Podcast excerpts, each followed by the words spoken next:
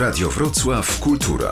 Dobry wieczór, Grzegorz Szajnowski. Witam słuchaczy Radia Wrocław i Radia Wrocław Kultura w programie pod tytułem Wieczór z kulturą.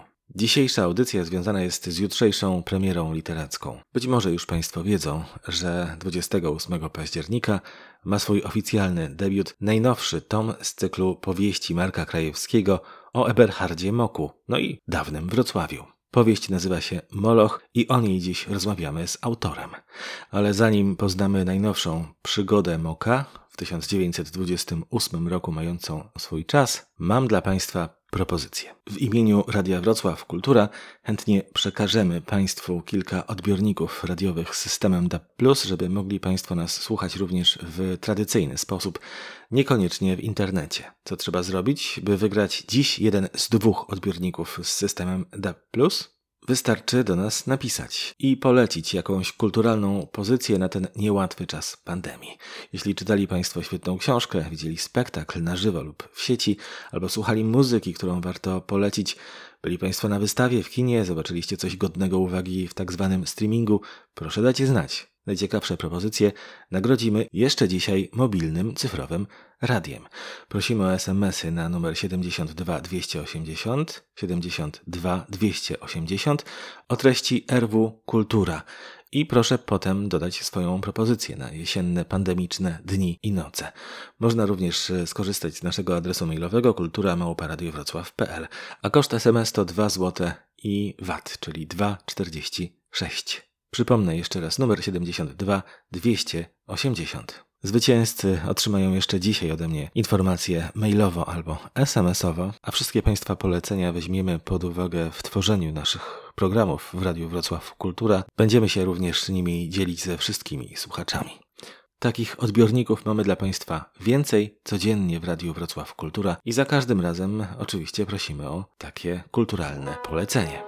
A teraz zmierzamy w kierunku Moka, najnowszej książki Marka Krajewskiego i przypominamy sobie, jak to kiedyś brzmiało, no, rok temu w Teatrze Muzycznym Kapitol we Wrocławiu, kiedy premierę miał musical Mok Czarna Burleska.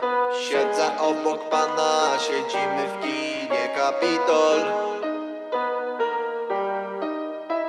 Kino ma to do siebie, że siedzimy incognito Siedzę obok pana, siedzimy w kinie Kapitol. Kino ma to do siebie, że siedzimy incognito Jestem tą bestią, której szukasz miesiącami.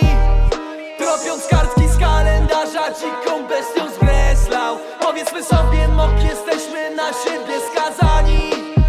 Nikt tak wierny ci nie będzie jak twoja obsesja. Lubię grać w tę grę, zostawiać ślady, mylić tropy Chciałem być potrzebny komuś, teraz jestem tobie. To ja ślusarza powiesiłem za dwie bose stopy. Potem nocą przyglądałem się wdowiej żałobie. Dzisiaj to znowu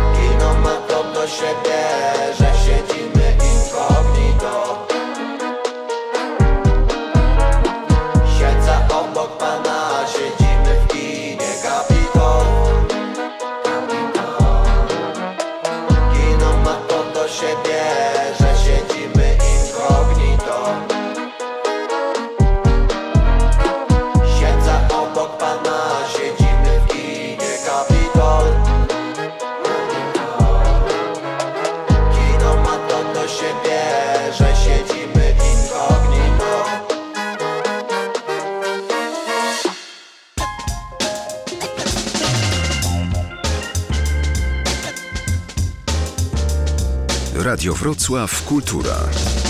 Książki. Naszym gościem jest Marek Krajewski. Dobry wieczór, panie Marku. Dobry wieczór. Jestem po y, lekturze, świeżo po lekturze najnowszej książki, która ma premierę w tym y, tygodniu, czyli Moloch. Mok Moloch, bo to jest kolejna opowieść o Eberhardzie Moku. Gratuluję y, książki i formy. Bardzo dziękuję za miłą opinię. Cieszę się ogromnie. Moloch jest głównym tytułem, nie pod tytułem. Nie ma właściwie już tytule Mok.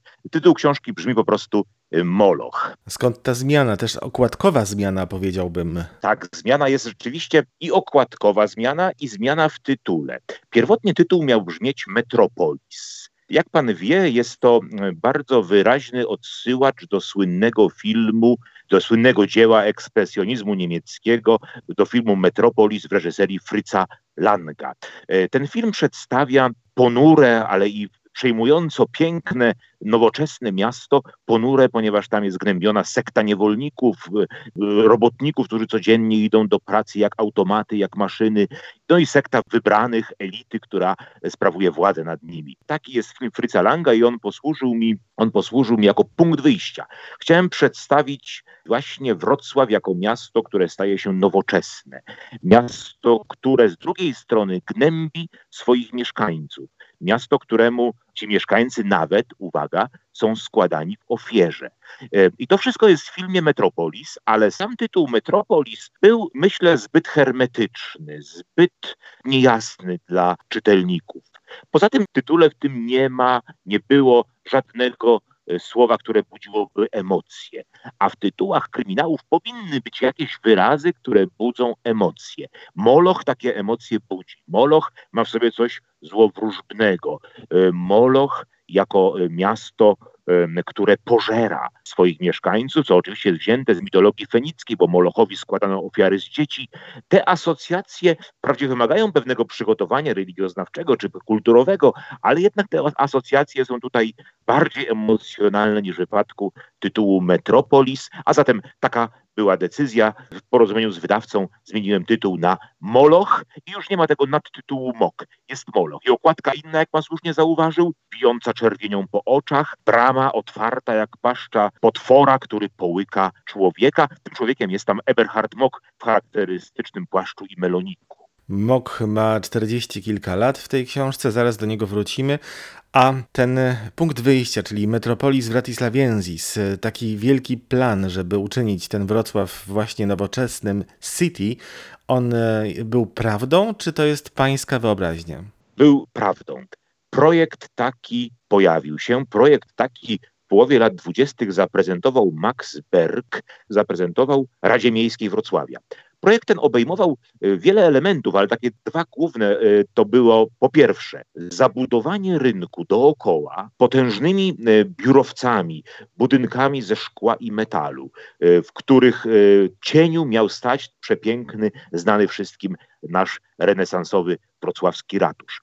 Budynki dookoła, te, które otaczały, miały być ultranowoczesnymi wieżami ze szkła i metalu. W ten sposób Max Berg chciał zlikwidować siedlisko biedy, brudu, rozpusty i zbrodni, które to siedlisko mieściło się w kamieniczkach, czy poza kamieniczkami rynku, bo na pewno pan wie, że te kamieniczki, które dzisiaj podziwiamy chodząc po wrocławskim rynku, te kamieniczki są ładne i były ładne, ale już za nimi rozciągał się obszar biedy i zbrodni, który na przykład od strony ulicy Więziennej sięgał od tych kamieniczek aż do uniwersytetu. To były ponure, krzywe uliczki jak z złych snów, e, rozpadające się rudery, w których gnieździło się robactwo, e, szczury, no i ludzie podejrzanej konduity. Otóż te kamieniczki miały być zburzone i na, w ich miejscu miały powstać ogromne budynki nowoczesne, przypominające właśnie współczesne drapacze chmur. To jest jeden projekt. Drugi projekt, w tym miejscu, gdzie stoi dzisiaj Urząd Wojewódzki, przy Placu Powstańców Warszawy, stała do początku lat 20. gazownia, stara gazownia. E, po czym jak budowano nową gazownię na Tarnogaju, która jest do dziś istnieje, prawda, to ta gazownia na Placu Powstańców Warszawy, wtedy to nazywało się Lessing Plac, przestała spełniać swoją funkcję. W związku z tym rajcy miejscy planowali tutaj, no, zastanawiali się, jak ten teren należy wykorzystać. max berg zaproponował, aby w tym miejscu postawić 40-piętrową, no, po 40-25 pięter, e, właśnie taką wieżę ze szkła i metalu. Na szczycie tej wieży miał e, mieć swój kabinet burmistrz, który okiem dobrego gospodarza miał patrzeć na znajdujące się w dole miasto. Takie były projekty Maxa Berga. Projekty zostały odrzucone. Max Berg podał się do dymisji. Co ciekawe, była to dymisja osobliwa, ponieważ on zajmował, wówczas piastował stanowisko radcy budowlanego. Takie stanowisko było dożywotnie. W związku z tym brał pensję, ale już nie pracował. Było to dość osobliwe. W każdym razie podał się do dymisji, do dymisji na znak protestu e, i to jest punkt wyjścia mojej powieści. W mojej powieści istnieje pewna tajemnicza grupa ludzi, którzy chcą zbudować Metropolis Wratislaviensis, miasto ze szkła i jaspisu. Specjalnie mówię jaspisu, ponieważ oni odwołują się w swoich planach do y, Apokalipsy świętego Jana, gdzie jest mowa o nowym Jeruzalem ze szkła i jaspisu. Taki plan stworzenia nowego Jeruzalem chcą owi architekci urzeczywistnić, a architekci ogarnięci okultystyczną fascynacją. Zatem w mojej powieści mamy połączenie architektury z okultyzmem. Ja czytałem tę powieść również jako taki trochę przewodnik jednak po dawnym Wrocławiu, może nawet bardziej niż poprzednich kilka powieści, tak akurat e, miałem, bo nie wiedziałem, że cmentarz Marii Magdaleny istniał tam, gdzie dziś jest piąte liceum ogólnokształcące. Tak jest, rzeczywiście, są to miejsca, są tutaj w mojej powieści przedstawione miejsca, które już dzisiaj nie istnieją, czy obiekty, które już dzisiaj nie istnieją, mówiąc precyzyjnie. Tak było w wypadku cmentarza przy ulicy Ślężnej. Sama Ślężna była jakby takim zagłębiem cmentarnym. Było tam mnóstwo cmentarzy. Na ich, e, na ich terenie dzisiaj jest e, znany park zwany Parkiem na Skowroniej Górze. Tam naprzeciwko cmentarza żydowskiego był wspomniany przez pana cmentarz Marii Magdaleny, który, no tutaj już nie mam żadnych źródeł ani żadnej dokumentacji na ten temat, ale który w mojej powieści odgrywa rolę ponurej scenerii, w której członkowie okultystycznego bractwa odprawiają swoje tajemne rytuały. Cmentarza Marii Magdaleny już nie ma. To zresztą ciekawe, że tak szybko ten cmentarz jakoś znikł z powierzchni Wrocławia, ale jest szpital psychiatryczny przy Kraszewskiego. Też pełni tę samą funkcję, co kiedyś, za czasów niemieckich. Tam umieszcza pan jedną z ważnych bohaterek swojej powieści. Tak jest. Szpital psychiatryczny przy Kraszewskiego, czy to była wtedy, wtedy to się nazywała e, klinika czy zakład dla nerwowo i psychicznie chorych. E, ten szpital e, zawsze mnie interesował, zawsze budził moją pewną fascynację. Szpitale psychiatryczne są w ogóle, że tak się wyrażę, wdzięcznym miejscem dla autora horrorów albo kryminałów. No możemy sobie wyobrazić, zwłaszcza jeżeli piszemy powieści retro, że w czasach, kiedy chorych traktowano no, niespecjalnie humanitarnie, bo musimy pamiętać o tym, że geneza szpitalnictwa psychiatrycznego jest genezą więzienną, penitencjarną. Kiedyś więzienia były miejscami, w których trzymano chorych psychicznie i więźniów, nierzadko w jednej nawet celi. Otóż takie miejsca e, rozpalają wyobraźnię autora kryminałów. Ten budynek zachował się do dziś. E, e, miałem okazję go zwiedzić, kiedy były prezes szpitala psychiatrycznego, pan Dariusz Kowalczyk, zaprosił mnie kiedyś do odwiedzenia tego szpitala i do zobaczenia różnych ciekawych miejsc. Rzeczywiście są tam miejsca, które rozpalają wyobraźnię. Sam szpital jest pięknie położony, przy szpitalu jest piękny park, bardzo ładny dom, willa, w której mieszkali lekarze, personel szpitala. Ta willa zresztą występuje w mojej poprzedniej powieści Mok Golem, w którym do szpitalu psychiatrycznym znalazł się wówczas sam Eberhard Mok. W tej powieści Moloch, Mok zostaje wezwany do szpitala psychiatrycznego, gdzie jego była kochanka, była ukochana, Hedwig, Hedwig Dratewkę, tak się nazywała, tak, tak brzmiało jej panieńskie nazwisko, e, po mężu Rauchfus. Otóż ta Hedwig popadła w stupor katatoniczny, można by powiedzieć, stupor katatonicus dissociativus, tak się nazywa e, ta jednostka. Hedwig doznała wstrząsu po tym, jak porwano jej dzieci. I zareagowała słysząc nazwisko Eberhard Mock zupełnie przypadkiem. Uznano wówczas, szef Moka uznał, że, że Mock jest jedynym człowiekiem, który może od niej wydobyć jakieś informacje. Mock tam przychodzi do niej i rzeczywiście wybudza ją na chwilę z tego katatonicznego transu. Dalej już nic nie powiem, bo dalej się wszystko zaczyna. Za chwilę wrócimy do Marka Krajewskiego, do naszej rozmowy, a pomiędzy jej częściami słuchamy dzisiaj Beethovena. Dlaczego Beethovena i dlaczego to są fragmenty kwartetów smyczkowych, wyjaśnimy niebawem.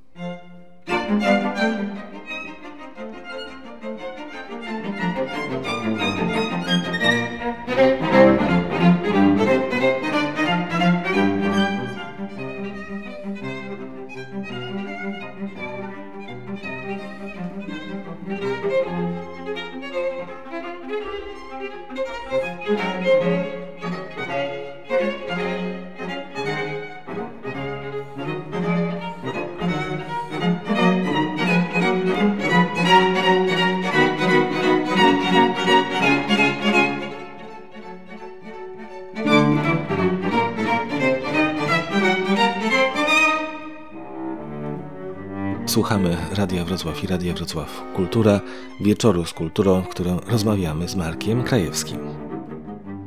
Ja jeszcze dziękuję panu osobiście za takie przypomnienia, jak to, że istniał taki człowiek jak Karl Gottlieb Sfares, minister sprawiedliwości Prus, urodzony w Świdnicy. Pomnik jego stał przed Wydziałem Filologicznym, zdaje się, Uniwersytetu Wrocławskiego, dzisiejszym naszym Wydziałem Filologicznym, bo wtedy to był sąd. Tak jest, rzeczywiście był ten Sfares. Niektórzy podają inną wersję jego nazwiska jako Schwarz, prawda? Ale Sfares, tak, on, tak, tak, się, tak się powinno o nim, o nim mówić. Tak brzmi jego nazwisko, pod takim nazwiskiem się urodził. Rzeczywiście, ten pomnik stał przez cały czas do końca II wojny światowej. No, był to wybitny prawnik, filozof, e, człowiek uniwersytetu, którego pomnik dodawał tej powagi temu pięknemu Gumachowi, który tak dobrze zna i pan, i ja, ponieważ jesteśmy absolwentami Wydziału Filologicznego naszego uniwersytetu, a wcześniej, jak wiemy, e, w tym budynku mieścił się Sąd Krajowy, budynek sądu. Zatem, e, zatem rzeczywiście Swares w pewnym momencie patrzy swoim wzrokiem, oczywiście w sensie metaforycznym, odprowadza moka wzrokiem, kiedy mok jedzie swoim lśniąco wiśniowym Adlerem, znakomitym samochodem z odkrytym dachem w upalne lato, jedzie na południe Wrocławia, aby dostać się, aby prowadzić swoje śledztwo w sprawie tajemniczego zaginięcia dwojga dzieci.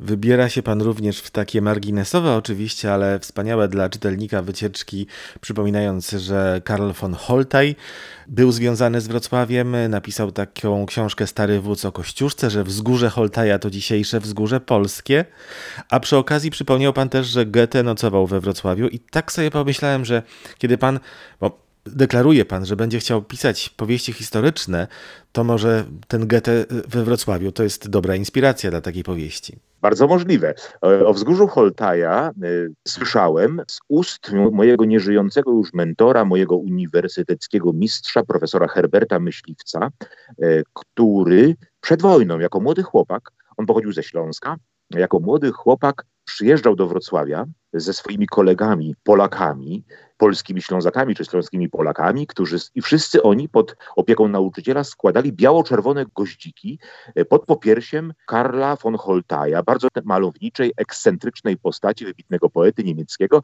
który rzeczywiście napisał poemat albo dramat pod tytułem Stary Wódz, Der alte Feldherr, e, Stary Wódz. O tym słyszałem, kiedy, kiedy słuchałem opowieści pana profesora, świętej pamięci profesora Herberta Myśliwca.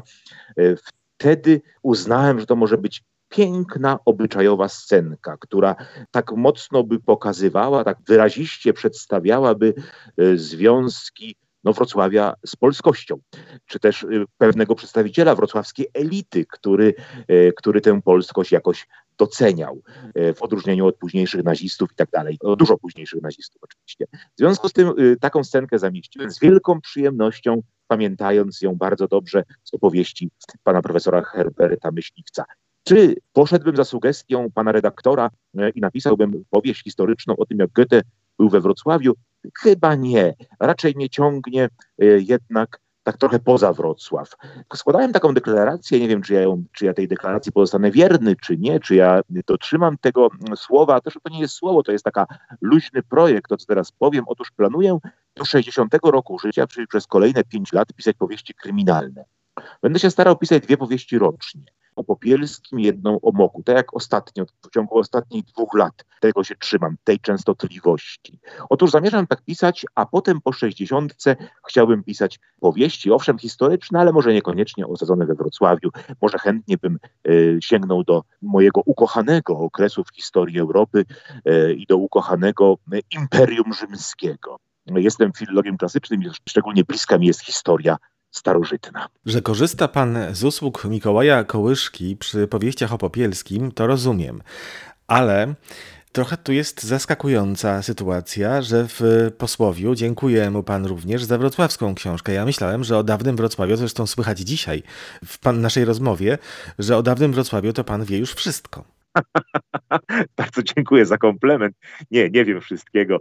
Bardzo wielu rzeczy nie wiem. E, nie mógłbym, przypuszczam, e, startować w teleturnieju z wiedzy o Wrocławiu. A jeżeli bym mógł, to, to na pewno bym nie stanął na podium. Znam znakomitych miłośników, znam świetnych znawców historii Wrocławia, którzy wiedzą o naszym mieście wszystko. Choćby grupa osób skupionych wokół e, dawnego portalu, on się teraz inaczej nazywa, ale ten portal brzmiał pięknie po łacinie, Wratisławie Amici przyjaciele Wrocławia. Tam można znaleźć wszystko. Niezwykłe, bardzo ciekawe informacje, zdjęcia i tak dalej, i tak dalej. Znam dobrze y, ludzi, którzy ten portal współtworzyli. E, on się teraz nazywa Polska.org, ale tam jest mnóstwo jeszcze, mnóstwo jest wrocławskich y, materiałów i chylę czoła przed ich wiedzą. Wracając do mojego eksperta i eksploratora Mikołaja Kołyszki. To jest specjalista od wyszukiwania różnych interesujących mnie informacji. E, I on to robi y, znakomicie, służy mi pomocą od kilku już książek, bo żeby pisać dwie książki rocznie, to rzeczywiście takiego eksploratora i eksperta trzeba mieć, ja takiego mam. I e, on służy mi pomocą, powiedzmy, piszę do niego, panie Mikołaju, proszę mi sprawdzić, jakich pistoletów czy rewolwerów używała policja pruska w tym i tym czasie, na przykład. I on to sprawdza ale to jest znakomity oczywiście eksplorator internetu i wyszukiwacz materiałów, natomiast z zawodu, z wykształcenia on jest religioznawcą i zajmuje się tajnymi czy nowymi ruchami religijnymi tak zwanymi, czyli sektami, mówiąc krótko. E, okultyzmem, lucyferianizmem, zna się, na tym świetnie i służył mi tutaj pomocą jako ekspert. Kiedy wpadłem na taki mglisty pomysł, żeby powiązać okultyzm z architekturą, bo wszystko się zaczęło od tego, że y, chciałem znaleźć w historii Wrocławia jakiś fakt, od którego mógłbym wyjść y, jakieś zdarzenie prawdziwe. Y, I znalazłem sprawę Maxa Berga i jego architektonicznych, zapierających dech w piersiach projektów. Jak połączyć architekturę z powieścią kryminalną? Co to wymyślić? Co mogłoby być w architekturze, powiedzmy, zbrodniczego? I tak przeczytałem najpierw manifest, Adolfa Losa pod tytułem Zbrodnia i ornament. Swoją drogą bardzo ciekawy tytuł, nawet chciałem taki tytuł dać mojej, mojej powieści, ale ostatecznie uznałem, że to byłby plagiat. Zbrodnia i ornament. Jaką zbrodnię mogli popełnić architekci? Tutaj mo moja uwaga e, skierowała się w stronę moją ulubioną, mianowicie w stronę tajemnych sekt. Zapytałem pana Mikołaja, czy on widział jakiś związek między architekturą a sektami. Tutaj dostałem ogromną, wspaniałą ekspertyzę, która mi pomogła pójść tą drogą, jaką poszedłem. A te sekty okultystyczne, które powstawały w latach dwudziestych XX wieku licznie, to zastanawiał się pan, dlaczego one wtedy właśnie tak licznie powstawały? Zastanawiałem się wielokrotnie, ale moje wyjaśnienie, które y, teraz zaryzykuję, jest wyjaśnieniem boleśnie amatorskim, powiedziałbym. Nie jestem historykiem ani socjologiem, zatem specjaliści, przedstawiciele tych dyscyplin, którzy teraz może słuchają naszej audycji, e, przedstawicieli proszę o wyrozumiałość. Otóż, po pierwsze, pod koniec XIX wieku okultyzm się rozwinął w sposób niewiarygodny wręcz.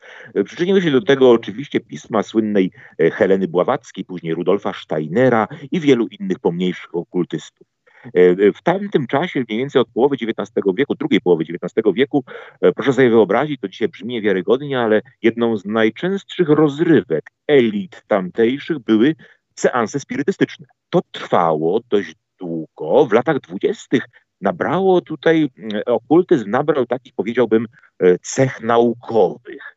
Cech naukowych w takim sensie, że zaczęto jakby no, w sposób naukowy czy pseudonaukowy, powiedzielibyśmy, wykorzystywać rozmaite zjawiska które wierzono, że istnieją, które jakoś tam rejestrowano, badano powiedzmy ektoplazmę, czyli to ciało duchowe, które się wydobywa z ust medium, no to oczywiście to, to, to jest wszystko z punktu widzenia dzisiejszej nauki śmiechu warte, ale, ale jest to bardzo interesujący rys kulturowy tamtej epoki. Wydaje mi się, że w latach dwudziestych rozkwit sekt, który był zwłaszcza bardzo wyraźnie zauważalny na terenie Republiki Weimarskiej w Niemczech, wiąże się z przegraną wojną przez Niemcy. I tutaj proszę o wyrozumiałość tych, którzy teraz to słyszą, mają może inne zdanie i mają lepsze wyjaśnienie. Otóż, kiedy Niemcy przegrały wojnę, pierwszą wojnę światową, no, chcieli obarczyć winą kogoś za to.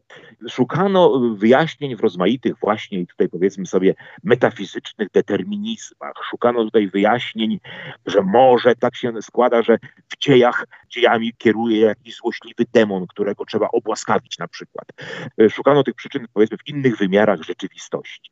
E, okultyzm irracjonalizm jest bardzo charakterystyczny dla czasu niepokoju, dla czasów biedy, e, a takie właśnie były czasy Republiki Weimarskiej. Na jeszcze jedną część rozmowy z Markiem Krajewskim zapraszam Państwa za nieco ponad 6 minut. Tyle trwa jeszcze jeden fragment kwartetu smyczkowego Beethovena. Poprzednio słuchaliśmy kwartetu numer 12, tym razem to jest e, czternastka, ale w wersji na orkiestrę smyczkową. Prowadzi Wiedeńczyków Leonard Bernstein.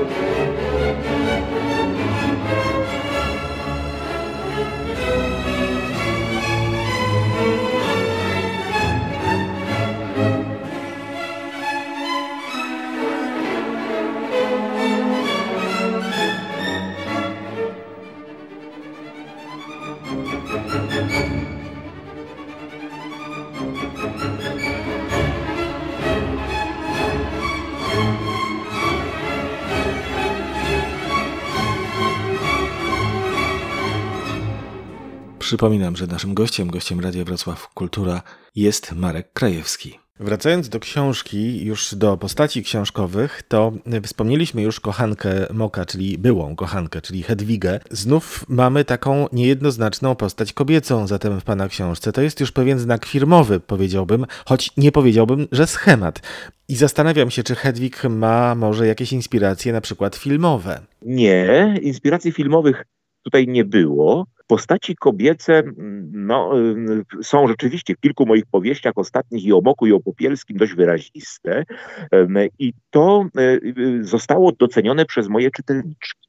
Bardzo się z tego powodu cieszę. Proszę sobie wyobrazić, że większość czytelników moich książek stanowią kobiety i one zauważyły to ogromna radość mnie ogarnia, kiedy słyszę takie głosy, że są wreszcie wyraziste postaci kobiety, że w Pana książkach kobiety nie, nie pełnią już dwóch ról, jakie pełniły wcześniej, czyli były albo prostytutkami, albo ofiarami.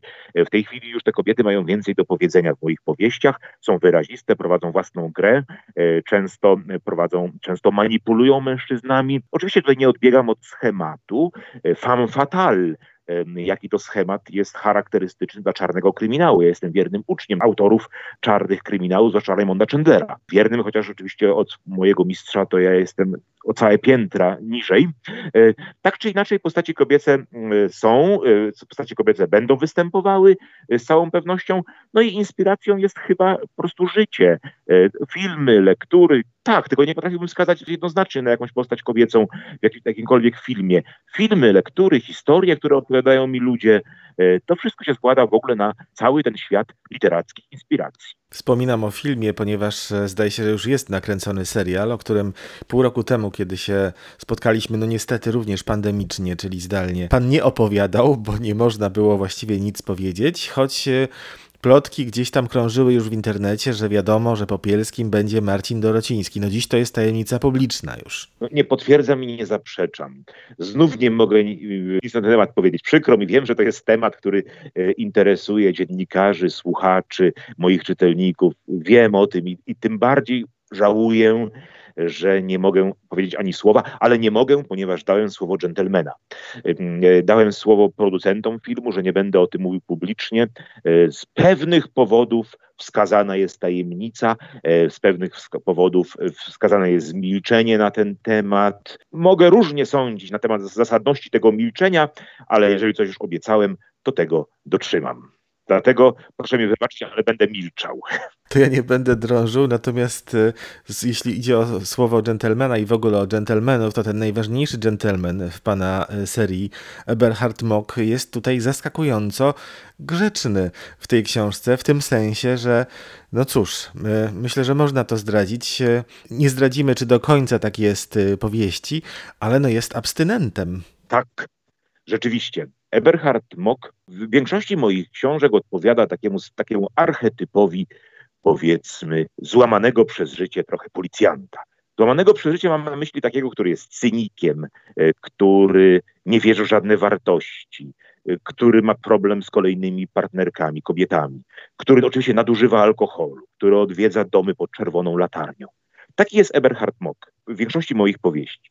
Natomiast kiedy pisałem poprzednią powieść Golem, przed napisaniem poprzedniej powieści Golem, zrozumiałem, że czasami takie opisy Moka jako wesołego birbanta nie zgadzają się głęboko z moim osobistym nastawieniem do problemu alkoholu i alkoholizmu. Otóż jestem człowiekiem, y, który absolutnie, który nie pije ani kropli alkoholu, jestem całkowitym abstynentem, ponieważ choroba alkoholowa dotknęła moich bliskich i wiem, jak straszny jest to demon, który niszczy ludzi.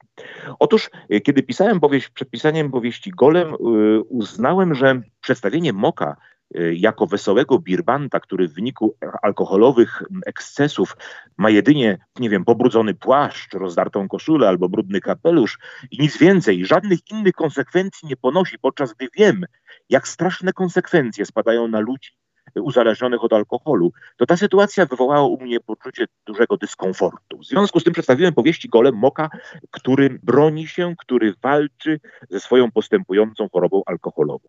Powieści Moloch, która się ukazała w tym tygodniu, Mok jest abstynentem, ponieważ zobaczył alkoholowe piekło po odejściu swojej żony Sofii. Że Sofia odeszła od Moka, to, to jest tematem mojej drugiej powieści Koniec świata w Breslau, której akcja się rozgrywa w roku 27. Otóż Mok, tutaj mamy w Molochu 28 rok, Mok nagle otrząsnął się z alkoholowego błota, jakiego oblepiło po odejściu Sofii. Nadużywał alkoholu, pił straszliwie e, i nagle pewnego dnia zrozumiał, że to jest koniec, że albo się pogrąży całkowicie w alkoholowym piekle, albo wyjdzie na prostą. I wychodzi na prostą. E, w tej powieści staje się abstynentem. Substytutem alkoholu są y, gigantyczne, wręcz, wręcz gargantuiczne ilości wypalanego tytoniu, powiedzmy, wypala mnóstwo papierosów e, oraz całe cysterny czarnej, gorzkiej, e, gęstej jak smoła herbaty i kawy. E, tym się mok jakoś raczy, to pomaga mu zachować abstynencję, trzeźwość, to pomaga mu kroczyć na nowej drodze, na której się znalazł, drodze bez alkoholu. Oczywiście ten alkohol go kusi ze wszystkich stron. Pokazuję te męki y, człowieka uzależnionego, o których y, sporo wiem, ponieważ moja żona jest terapeutką uzależnień i wielokrotnie z nią na ten temat rozmawiałem. Zatem starałem się to zrobić wiernie i przekonująco. Mam nadzieję, że tak wyszło. Ja jeszcze muszę nawiązać do muzyki, która brzmi dziś w wieczorze z kulturą, ponieważ to są kwartety Beethovena i to późne kwartety Beethovena, to fragmenty rzecz jasna, bo pan wysyła, wspomina pan o takim wykładzie właśnie na temat późnych kwartetów Beethovena w tej książce, stąd ta, wzięła się ta playlista. To też była bardzo ciekawa forma spędzania czasu w ówczesnym Wrocławiu, czyli pójście na wykład. Zdaje się, Mok z żoną raz poszli na ten wykład właśnie. No ale jeśli idzie o instrument, który mi się kojarzy z Molochem, z tą najnowszą pana powieścią, no to byłyby to organy. Ciekawe, ciekawe, że organy. Rzeczywiście, wie pan, ja jestem, jestem wielkim miłośnikiem muzyki, e, muzyki klasycznej. Późne kwartety Beethovena uważam za arcydzieła. E, w mojej powieści Golem tam 13 i 15 kwartet jest reprezentowany. Te dźwięki, powiedzmy, słychać za kart mojej powieści, jak sądzę. Beethoven był bardzo popularnym y, kompozytorem w tamtym czasie. Jeżeli spojrzymy na program Filharmonii Wrocławskiej, to y, znajdziemy bardzo często beethovenowskie wykonania czy beethovenowskie dzieła. Żona Moka, Sophie Mok, była pianistką była pianistką, specjalizowała się w muzyce kameralnej, często w jakichś no, sonatach y, na fortepian i skrzypce, takich formach e, się, e, to były szczególnie jej formy ulubione. I właśnie w związku z tym zabrała kiedyś męża na e, wykład na temat późnych kwartetów Beethovena, które zresztą są, no, które są wdzięcznym, wdzięcznym polem do badań dla muzykologów, o ile ja wiem, i, Mok spędził w ten sposób z nią wieczór. Tak jest. Tak właśnie było. Koncerty muzyki poważnej były no, rozrywką, powiedzmy, bardzo popularną, rozrywką wysublimowaną, rozrywką, która no, wprowadzała umysły słuchaczy na e, piękny świat wielkiej sztuki. Znanym dyrygentem pod koniec XIX wieku był polski dyrygent Rafał Maszkowski, którego nagrobek jest na cmentarzu grabiszyńskim jako Rafael Maszkowski. Otóż on wówczas y, prezentował muzykę polską, bardzo często wpływał na to, aby y, Filharmonia Wrocławska grała dzieła Fryderyka Chopina, ale również współczesnych mu kompozytorów, jak na przykład Zygmunta Noskowskiego.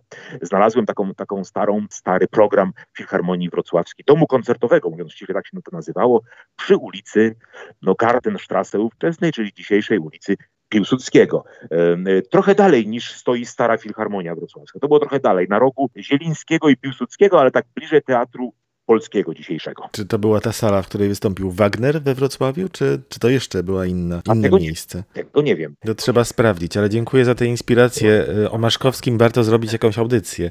O tak. Panie Marku, to y, będziemy dzisiaj kończyć. Pan ma rozliczne zajęcia teraz związane z promocją książki. Był pan na festiwalu Kryminału Retro w Gostyniu niedawno. No, to nowe wydarzenie na mapie festiwalowej literackiej w Polsce. Świetne wydarzenie, niestety pokrzyżowane trochę przez pandemię. e, ponieważ wiele spotkań musiało się odbywać online. Na wspaniały pomysł wpadł, no, o ile się nie mylę, burmistrz albo zastępca burmistrza e, Gostynia, który sam jest autorem e, kryminałów retro, pan Skorupski. Otóż on wpadł na pomysł, aby zorganizować w Gostyniu festiwal kryminału retro. I to jest, uważam, wspaniała inicjatywa. Został dostrzeżony tak ważny podgatunek i tak dobrze reprezentowany w polskiej literaturze. Jest bardzo wielu autorów, którzy piszą kryminały historyczne osadzone w różnych realiach, w tym no i moja skromna osoba. E, bardzo mnie to cieszy, już nie, nie mówiąc o tym, że, że przyjemnie mi jest spotkać się z kolegami po piórze. Akurat tutaj tylko spotkałem w Gostyniu znakomitego autora Ryszarda Ćwirleja, który pisał kryminały milicyjne, pracowity autor, świetne książki wychodzą spod jego pióra. Akurat tylko Ryszarda Ćwirleja, innych kolegów nie spotkałem, no bo właśnie był rygor pandemiczny, uniemożliwił to. Byłem na spotkaniu w Gostyniu, miałem spotkanie autorskie, siedziałem na scenie, ale przede mną publiczność niezbyt liczna, ponieważ rygor pandemiczny nie pozwala na to. Publiczność w maskach. No jest to dla mnie zrozumiałe, oczywiste, prawda, ale to jest jeden z minusów, y, oprócz wielu innych oczywiście, ale z mojego punktu widzenia literackiego, z punktu widzenia pisarza, który uwielbia spotykać się z publicznością, właśnie owe maski mnie często rozpraszają. Ja po prostu lubię mieć kontakt z ludźmi, lubię widzieć ich reakcje, grymasy ich twarzy, uśmiechy, a tutaj tego nie, nie widzę, niestety. Ale kończąc tę wypowiedź na temat pandemii, to obyśmy tylko mieli takie zmartwienia. Oczywiście jest to straszliwa, straszliwa no, plaga, która spadła na świat w dzisiejszych czasach. Doprawdy maski, czy ich brak, czy powiedzmy używanie są tutaj, jak sądzę, najmniejszym problemem. Tym bardziej, że e, Moka też wyposaża pan przecież w maskę od pewnego momentu. Słuszna uwaga. Mok, jego twarz ulega poparzeniu i Mok owe poparzenia i blizny ukrywa pod czarną, aksamitną maską. Panie Marku, bardzo dziękuję za rozmowę. Gratuluję po raz kolejny książki. Jest pan e, no, w świetnej formie, więc e, w maju Popielski. Kolejny. Dziękuję bardzo. Tak, w maju będzie Popielski. Właśnie nad nim teraz pracuję. Dopieszczam, cyzeluję samą akcję. Do pisania przystąpię, tak zakład, myślę, że niedługo, w ciągu najbliższych tygodni, do samego pisania przystąpię. A teraz jeszcze muszę pewne niejasności samej akcji, wątpliwości muszę e, tutaj usunąć i wtedy będzie wszystko dobrze. Dziękuję bardzo. Pozdrawiamy z Wrocławia. Dziękuję uprzejmie, bardzo mi miło. Dziękuję za rozmowę, panie redaktorze. Marek Krajewski, premiera Malocha, oficjalnie 28 października. Tu Radio Wrocław i Radio Wrocław Kultura. Bardzo Państwu dziękuję za wszystkie SMS-y i maile w sprawie radioodbiorników, no i poleceń kulturalnych na jesienne wieczory, poranki i popołudnia. Za chwilę odpiszę do dwojga szczęśliwych zwycięzców.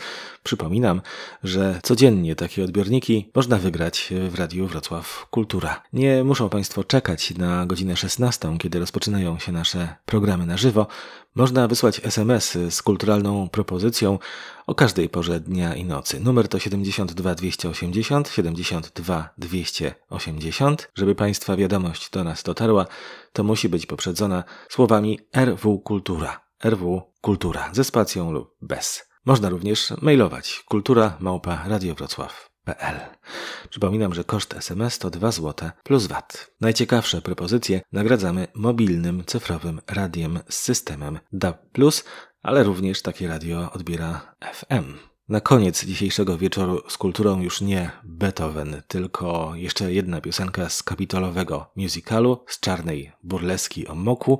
Tym razem ten finałowy, wspaniały akcent śpiewany przez Artura Zaturiana, a Beethoven powróci do słuchaczy Radia Wrocław jeszcze dziś o 22.05 w wariacjach. Wybierzemy się z Beethovenem na Dolny Śląsk, bo bywał u nas, zwłaszcza w takim pamiętnym 1806 roku. Grzegorz Hojnowski, do usłyszenia.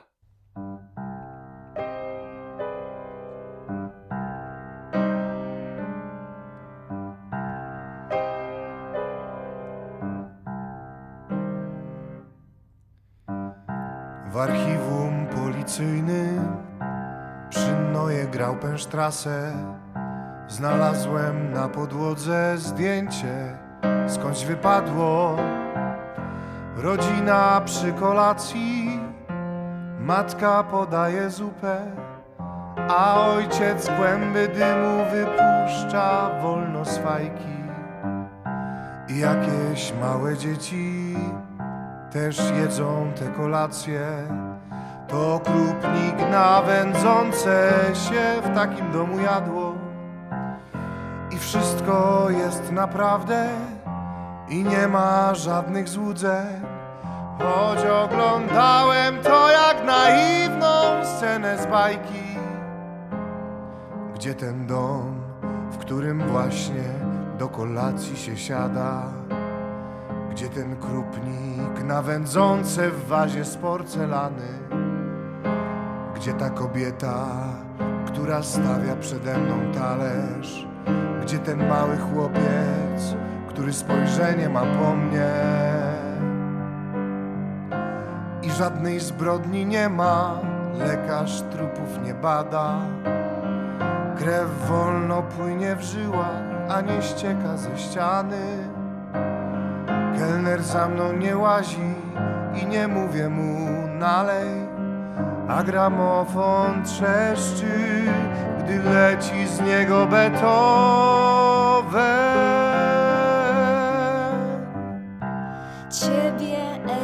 Nie było. Idziemy, panie radco.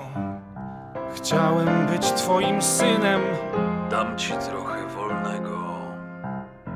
W Bogu odnajdziesz miłość. Nie lubił jak szło łatwo Ja stąd już nie odpłynę Czekam na Ebiego. Znam wasze tajemnice wszystko was wiem. Każdego znajdę, spod ziemi wygrzebie. Dajcie mi detektywa, który wytropi mnie. Każdego umiem znaleźć, prócz siebie.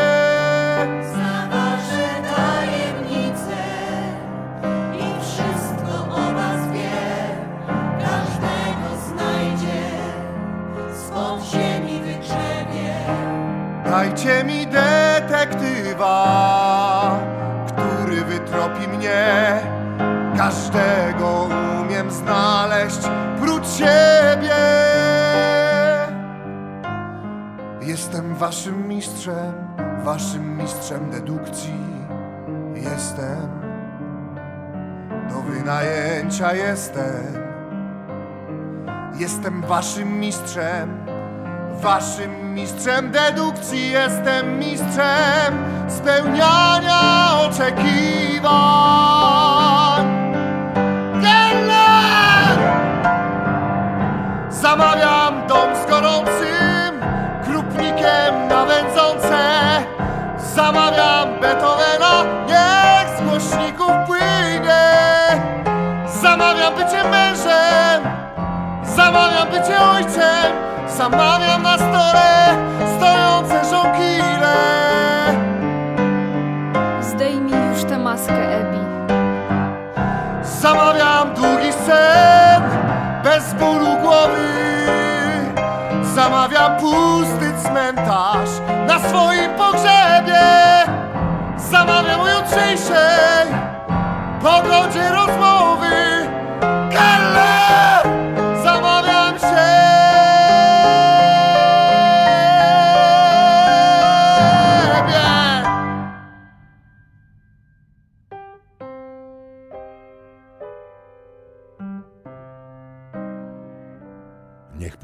Zdejmie maskę, panie radco.